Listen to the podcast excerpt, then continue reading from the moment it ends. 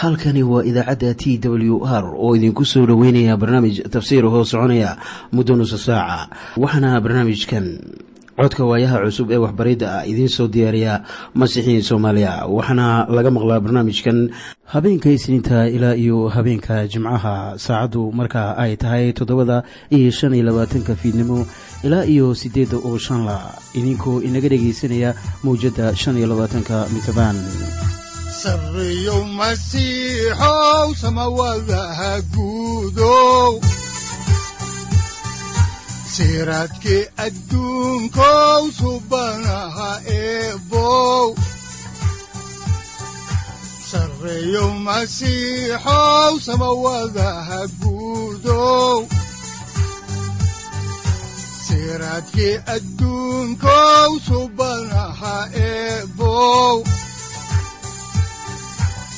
adigoo samaada jiro ifkan soo saldhiganba adigoo samaada jiro ifkan soo saldhiganba kutubtiisanaaye wuxunogu saaciiday sharxin sifahaaga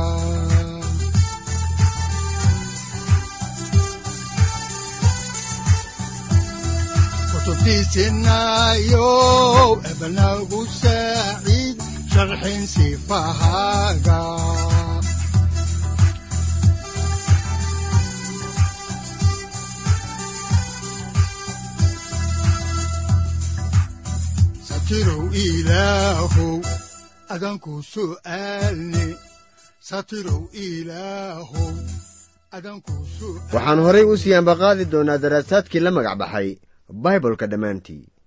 waxaannu horay idinku sii wadi doonnaa kitaabka bilowgii oo ah kitaabkii koowaad ee muuse.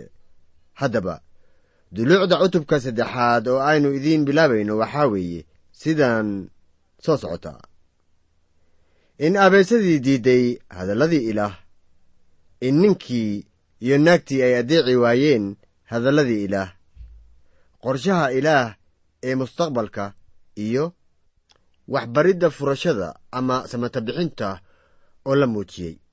Balse intaynu idiin bilaabin waxbariddeenna aynu wada dhegaysanno qhasiidadan la yidhaahdo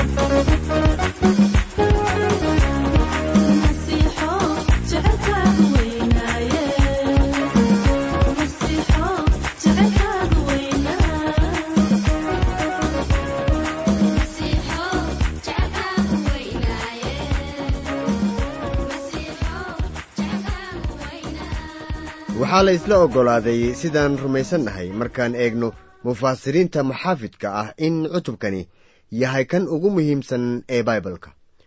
Dor griffith thomas ayaa ugu yeeray cutubkan saddexaad xidhiiriyaha kitaabka quduska ah. Haddii aad ka shakisan tahay taas waxaad akhrisaa cutubka koowaad iyo kan labaad ee bilowgii. Dabadeedna ka bood cutubka saddexaad waxaanad akhrisaa cutubka afraad ilaa koob iyo tobnaad waxaad arkaysaa inay jirto qaybo u baahan in la dhammaystiro oo kolley iyo kolleyba ay wax jiraan. Tusaale ahaan bilowgii cutubka koowaad iyo kan labaad waxaan ku arkaynaa sidii ninku warmooge u ahaa oo wax weliba ay kaamil u ahaayeen waxaana jiray wehelnimo dhextiil ninka iyo ilaah. Laakiin isla marka aad bilowdo cutubka afraad ee bilowgii oo aad akhriso ilaa iyo cutubka kow iyo tobnaad waxaa ku muuqanaya masayr xanaaq dil been dulli musuq maasuq caasinimo iyo xukun. Su'aashu waxay tahay halkee bay waxaas oo dhani ka yimaadeen? Halkee bayse ka bilowdeen? Halkee bay qisada dembigu ka soo asaasantay? Sida daacadda ah u malayn maayo in dembigu ka soo ankumay qiso ahaan cutubka saddexaad ee bilowgii. Laakiin markaannu eegno aadan qisadiisa waa cutubkan saddexaad meeshii dembigu ka bilowday. Bal aynu haddaba soo xiganno warbixin qof kale uu ka bixiyey cutubka saddexaad waxaanu qofkaasu qoray. Waa cutubkan saddexaad halka aynu ka tixraaci karno isha waadiga rabbaaniga ee runta waa halkan meesha ay ka bilaabato dhacdada weyn ee lagu matelay rugta taariikhda bani aadanka taasoo ugu dhowaan lix kun oo sannadood aan weli dhammaan. Waxaan halkan waa cutubka saddexaadee ka helaynaa sharaxaadyo rabbaani ah oo khuseeya dhicidda taagan iyo xaaladdii baaba'a lahayd ee ku habsatay bani aadanka waxaannu halkan ku baranaynaa qalabkii qarsoonaa ee cadowgeenna waa shayddaanka eh? Waxaan kaloo halkan ku arkaynaa awood la'aanta dadka ka haysata sidii ay ugu socon lahaayeen. Xaqnimada marka laga celiyo ama loo diido inay lahaadaan nimco rabbaani ah. Waxaan isla cutubkan ku ogaanaynaa saamaynta xagga ruuxa ee dembiga iyo ninkii la uumay oo raadinaya sidii uu ilaah uga carari lahaa. Isla cutubkan saddexaad ayaan ku kala garanaynaa dabiicadda ilaah ee dembiilaha. Waxaan kaloo cutubka ku suntannaa tabardarrada caamka ah ee dabiicadda bani aadanka ee uu doonayo inuu ku daboolo ceebtiisa isagoo la imaanaya khiyaano iyo xirfad. Waa halkan meesha laynagu barayo nimcadii ilaah keenay ee uu sameeyey inay kaafiso baahideenna weyn. Waa halkan halka ay ka bilaabanayso ilaha cajiibka ee waxyiga ee ku qoran qorniinka quduska ee dhammaantii. Waxaannu halkan ku baranaynaa inaannu ninku u dhowaan karin ilaah haddaannu dhexdhexaadiyi jirin. Iminkana aynu eegno abeesadii oo shaki gelisay hadalladii ilaah. Qaybta ugu horraysa ee cutubka waxaa ku qoran sidii ay ku timid duufsashadii aadan waxaana ku qoran kitaabka bilowgii cutubkiisa saddexaad aayadda koowaad sida tan haddaba abeesadu way ugu khiyaano badnayd bahal kasta ee duurka jooga oo rabbiga ilaaha ahu sameeyey oo waxay naagtii ku tidhi ilaah miyuu idinku yidhi? Waa inaydan waxba ka cunin geed kasta oo beerta ku yaal? Haddaba su'aal baa soo baxaysa waxaana weeye maxaa aadan loo duufiyey? Haddii aynu ku noqonno cutubka koowaad iyo labaad waxaynu arkaynaa in aadan eedla'aan lagu abuuray ha yeeshee aan xaqnimo lagu abuurin haddaba. Maxay tahay xaqnimadu? Xaqnimadu waa eedla'aan ama beri ahaansho la dhowro marka jarrabaadii timaaddo. Waxaad arkaysaa in jarribaaddu sare kuu qaaddo amase ay ku baabi'iso. Labadaasi bay mid kugu samaynaysaa. Beer ceedeen ma ahayn guri kulul. Ninkuna ma ahayn dhirta guriga. Waa in dabiicad laga helaa meesha waxaana dabiicaddu imanaysaa markii jarrabaadii timaaddo. Ninka waxaa loo abuuray inuu ahaado qof mas'uuliyad qaadi kara. Waxaana mas'uuliyaddiisu ahayd inuu ilaah ammaano addeeco u adeego oo hoos yimaado qawaaniin rabbaani ah. Ninku isaga isma abuurin. U malayn maayo in qof sidaas ku andacoonayo laakiin ninka ilaah baa abuuray. Ilaahna xaaladdii uu hoos keenay ninka sabab la'aan uma hoos keenin. Wuxuu ninkii ku yidhi sida ku qoran bilowgii cutubkiisa labaad aayadda toddoba-iyo tobnaad. Laakiin geedka aqoonta wanaagga iyo xumaanta waa inaadan waxba ka cunin. Waayo maalintii aad wax ka cuntid hubaal waad dhiman doontaa. Geedkaas oo keliya ma ahayn geedaha ku yaal beerta ee la cuni karay. Waxaa jiri lahaa sabab la'aan muuqata haddii aadan ay ahayn inuu gaajo u dhibanayo. Haddaanu awoodaynin inuu geedkaasi midho ka cuno. Iyo haddii lagu odhan lahaa geedkaas waa inaadan midho ka cunin. Waxaa jiray geedo badan oo midho leh beerta si aanu ninku ugu baahan marnaba inuu geedkaas wax ka cuno. Markaana waxaynu arkaynaa in ninka markaynu xaaladda eegno uu ahaa abuuris mas'uuliyaddii saaran tahay. Aayaddan koowaad ee cutubka saddexaad waxaa laynagu baray abeesada. Isla markiiba su'aal baa madaxeenna ku soo dhacaysa. Waxaanan isweydiinaynaa war xaggee bay ka timid abeesadu? Sidee bay seebeer ceedan ku soo gashay? Waxaan ku odhan karaa hadallada ilaah waxaa weeye oo keliya in abeesadu ayan ahayn xayawaan gurguurta sida dhabta ah laynamo sheegin sida abeesadu ay halkaas ku timid. Waxaase linoo sheegay inay halkaas soo gashay. Hadallada ilaah waxyaabo badan bay ka tegayaan. Ha yeeshee abeesadu waxay ahayd xayawaan ama abuuris shayddaanku isticmaali karay wuuna isticmaalay. Miyaynu shayddaanku isticmaalin xirfaddaas oo kale maanta? Waxaynu ka akhrinaynaan warqaddii labaad ee rasuul bawlos u qoray korintos cutubka koow iyo tobnaad aayadda afariyo tobnaad sida tan oo la yaabna ma leh waayo shayddaanku qudhisu wuxuu isu ekaysiiyaa malaa'igta iftiinka. Kitaabka muujintii ayaa wax badan ka sheegaya shayddaanka marka la eego kutubka kale ee qorninka waxaanu leeyahay kitaabka muujintii sida ku qoran muujintii ciise masiix oo yooxanaa loo muujiyey cutubkiisa labaiyo tobnaad ayadda sagaalaad oo leh oo masduulaagii weynaa oo ahaa maskii duqa ahaa hoos baa loo soo tuuray.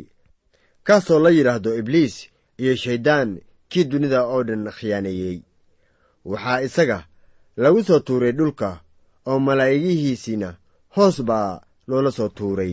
Isaga xayawaankan ama ciddoodkani ma ahayn mid gurguurta sidaannu u malaynayno maanta sawirkaana ma ahaan kan hadallada ilaah ka bixinayaan.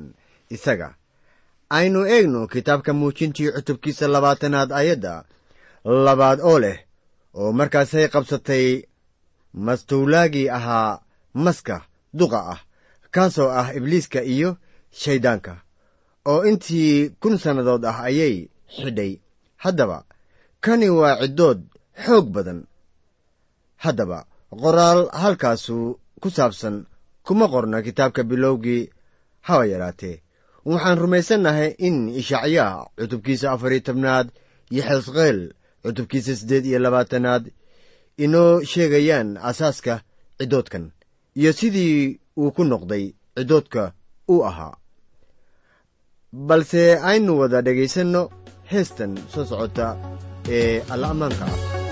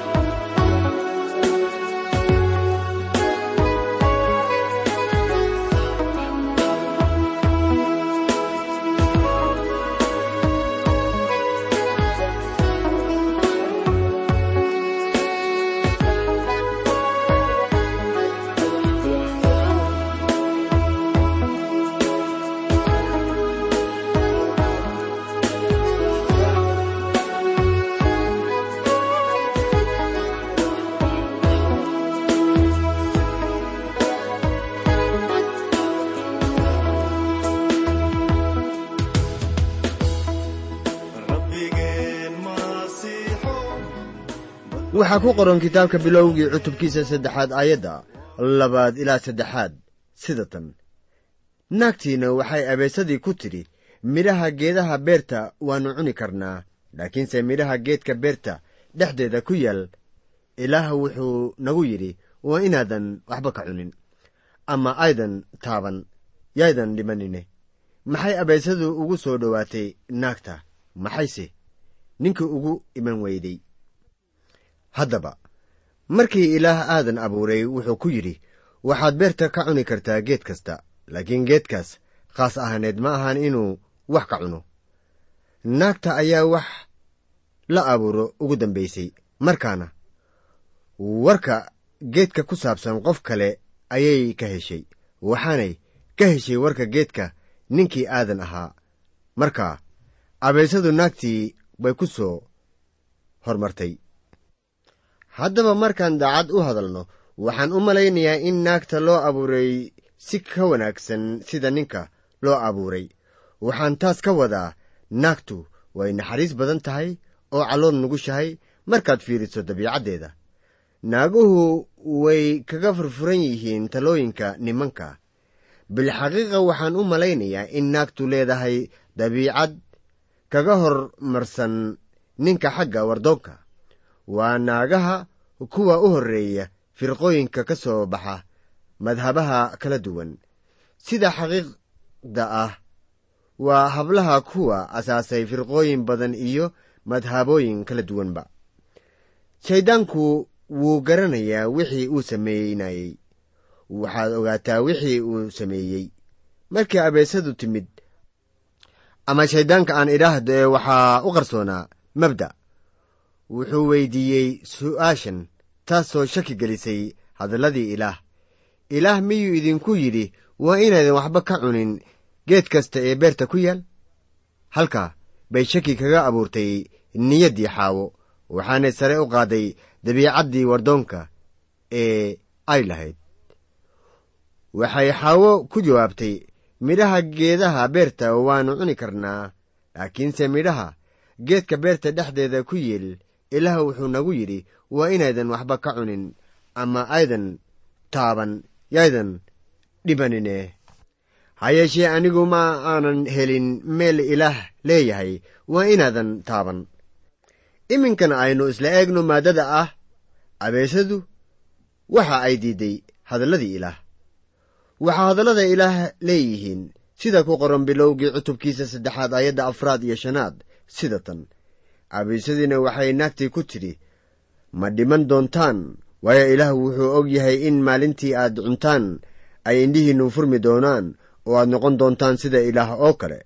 Idinkoo kala garanaya wanaagga iyo xumaanta. Intii ay odhan lahayd abeesadu hubaal ahaan dhiman maysaan? Waxay tidhi xaqiiqdii dhiman maysaan. Maxay tahay sababtu? Taas waa waxaan sinaba u suuroobaynin. Waxaa haddaba shayddaanku uu su'aal geliyey jacaylka ilaah iyo wanaagga ilaah. Waxaana lays odhan karaa haddii ilaah wanaagsan yahay muxuu xanibaadan ugu soo rogay xawo iyo aadan? Abeesada ama shayddaanku wuxuu ka wadaa in ilaah aanu ahayn xaq marka uu leeyahay. Dhiman maysaan. Wuxuu kaloo su'aal geliyey qudusnimada ilaah markuu leeyahay ilaahyo ayaad noqonaysaan idinkuba. Oo ilaah wuxuu og yahay maalintii aad cuntaan geedkaas in indhihiinnu furmayaan oo aad noqonaysaan sidii ilaah idinkoo kala garanaya wanaagga iyo xumaanta. Wixii xaawoy ay samaysay wuxuu ahaa iyadoo hadalladii ilaah wax ku darsatay. Marka nimanka aan ku adkayn dhaqanka ilaah kacabsiga ee la yidhaahdo liberaalka iyo kuwa aan ilaah ka cabsan ayaa hadallada ilaah wax ka qaada ama ka bixiya. Ilaahna taas ma ogola. Firqooyinka diiniga ah qaarkood baa wax ku dara hadallada ilaah oo ilaahna taas wuu ka digay. Waxaana jira kuwo yidhaahda maanta waxaa ina badbaadiyaa sharciga waxay ku doodaan haa waa rumaysad laakiin waxbaa weheliyaa waxay doonayaan waxaa weeye inay wax weliba la yimaadaan. Hadallada ilaah ayaa leh sida ku qoran injiilka sida yooxanaa u qoray cutubkiisa lixaad aayadda sagaal iyo labaatanaad sida tan. Ciise ayaa u jawaabay oo ku yidhi kanu waa shuqulkii ilaah inaad rumaysataan kii uu soo diray. War maxay qidcadaasu ahamiyad ballaaran tahay? Abeysadu si qarsoon ayay u soo mucaaraday ilaah oo hadalladeedii bay ku soo beddeshay hadalladii ilaah. Warqaddii roome ee uu rasuul bawlos u qoray ayaa ina baraysaa xaqaa'iqda ku aadan adeecista rumaysadka. Rumaysadku wuxuu keenaa adeecis. Rumaysaddarraduse waxay keentaa adeecis la'aan. Shakiguna wuxuu keenaa adeecis darro mar weliba bal haddana aynu eegno ninkii iyo naagtii waxay adeeci waayeen hadalladii ilaah sababtaas aawadeed waxaa kitaabka bilowgii cutubkiisa saddexaad aayadda lixaad ku qoran sida tan oo markii naagtii aragtay in geedkii cunto ku wanaagsan yahay oo indhaha u roon yahay oo uu yahay geed loo doonayo in caqli lagu yeesho ayay midho ka qaaday oo cuntay. Ninkeedii la joogayna wax bay ka siisay oo isagiina wuu cunay. Waxaad haddaba ogaataa codsigii abeesadu soo jeedisay inuu ahaa mid xiisad ku dheehan tahay wuxuu ahaa codsi xagga jidhka ah. In geedku cunto ku wanaagsan yahay ha yeeshee taas oo keliya ma ahayn oo taasina ma ahan waxa xaqiiqo ahaan ahmiyadda leh. Waxaa qoran oo indhaha u roon yahay.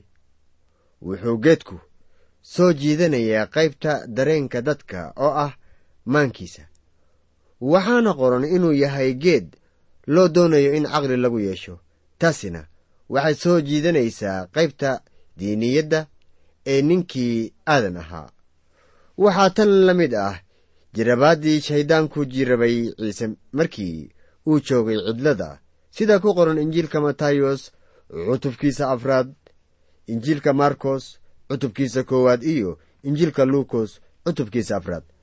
Marka ugu horraysa wuxuu ku yidhi sayidkeenna dhagaxdan kibis ka dhig. Tani waxay soo jiidanaysaa jidhka maadaama geedku cunto ku wanaagsan yahay. Dabadeetana shayddaanku wuxuu tusay sayidka boqortooyooyinka dunida oo soo hordhigay. Taasina waxay soo jiidanaysaa maanka dadka. Maadaama geedku u wanaagsan yahay indhaha ugu dambayntii wuxuu yidhi iska tuur macbudka. Taasina waxay khusaynaysaa qaybta diiniga ah ee dadka maadaama geedka loo doonayo in caqli lagu yeesho haddaba. U malayn maayo in shayddaanku beddelay xirfadihiisa maanta. Xirfad caynkaas oo kale ah ayuu aniga iyo adiguba weli inala isticmaalaa. Sababta uu weli u isticmaalayana waxaa weeye weli way shaqaynayaan. Uma baahnayn inuu beddelo xirfaddiisa waayo innaguba la mid baannu nahay. Yooxanaha ayaa qoray sida ku qoran warqaddiisa koowaad cutubka labaad aayadda lix iyo tobnaad sida tan maxaa yeelay waxaa dunida ku jira oo dhan oo ah damaca jidhka iyo damaca indhaha iyo faanka nolosha xagga aabbaha kama yimaadaan ee waxay ka yimaadaan xagga dunida. Waxaa qoran damaca jidhka. Waxaa taas laga wadaa in geedku ku wanaagsanaa cunno. Marka la leeyahay damaca indhaha ayaa taanina looga gool leeyahay in geedku ku wanaagsanaa in la daawado. Marka la leeyahay faanka nolosha ayaa taasuna noqonaysa in geedka la doonaya in caqli lagu yeesho. Waxay yaabahaasuna sida uu inoo sheegay yooxanaa kama yimaadaan aabbaha laakiin waxay ka yimaadaan dunida. Ciise ayaa yidhi dembiga jidhku wuxuu ka yimaadaa niyadda ama qalbiga dadka. Waa qadka gudaha ee qofka waana halka meesha shayddaanku kala hadlayo dadka ama ka taabanayo waa habka midka uu isticmaalo si uu ku gaaro gudaha ama qalbiga qofka oo uu dadkana sidaas ku baadiyeeyo. Wuu ku guulaystay taas oo waxaa xaawo iyo aadan lagu yidhi waad kala garanaysaan wanaagga iyo xumaanta. Haddaba maxaa dhacay? Waxaa noo soo baxday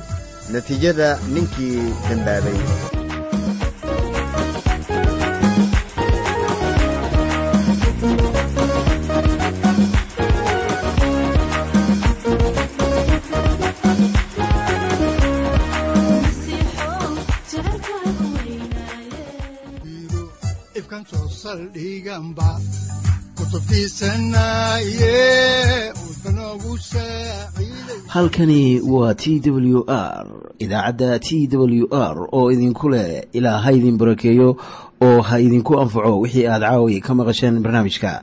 Waxaa barnaamijkan oo kalea maqli doontaan habeen dambe hadahan oo kale haddiise aad doonaysaan in aad fikirkiina ka dhiibataan wixii aad caawi maqasheen ayaad nagala soo xiriiri kartaan som t w r at t w r c o k e dhegaystayaal haddii aad doonaysaan inaad mar kale dhegaysataan barnaamijka fadlan mar kale booqo www t t b o r g ama www t w r o r g halka sare waxaad ku arkaysaa markii aad gasho language ama luuqadda waxaana dooranaysaa soomaali haddii aad doonaysaan in aad dejisataan oo kaydsataan barnaamijka ama aad mar kale dhegaysataan fadlan mar kale booqo www t t b t w r o r g ama www t w r o r g haddii aad doonayso in laga kaalmeeyo dhinacyada fahamka kitaabka amase aad u baahan tahay duco fadlan fariimahaaga soo mari bogga aaraahda ama kommentska inana jawaab degdeg ah ayaanu ku soo diri doonaa amase ku siin doonaaye sarreyow masiixow salugla wihiyow saacadda timid dhulka sabada ku dhalatiyo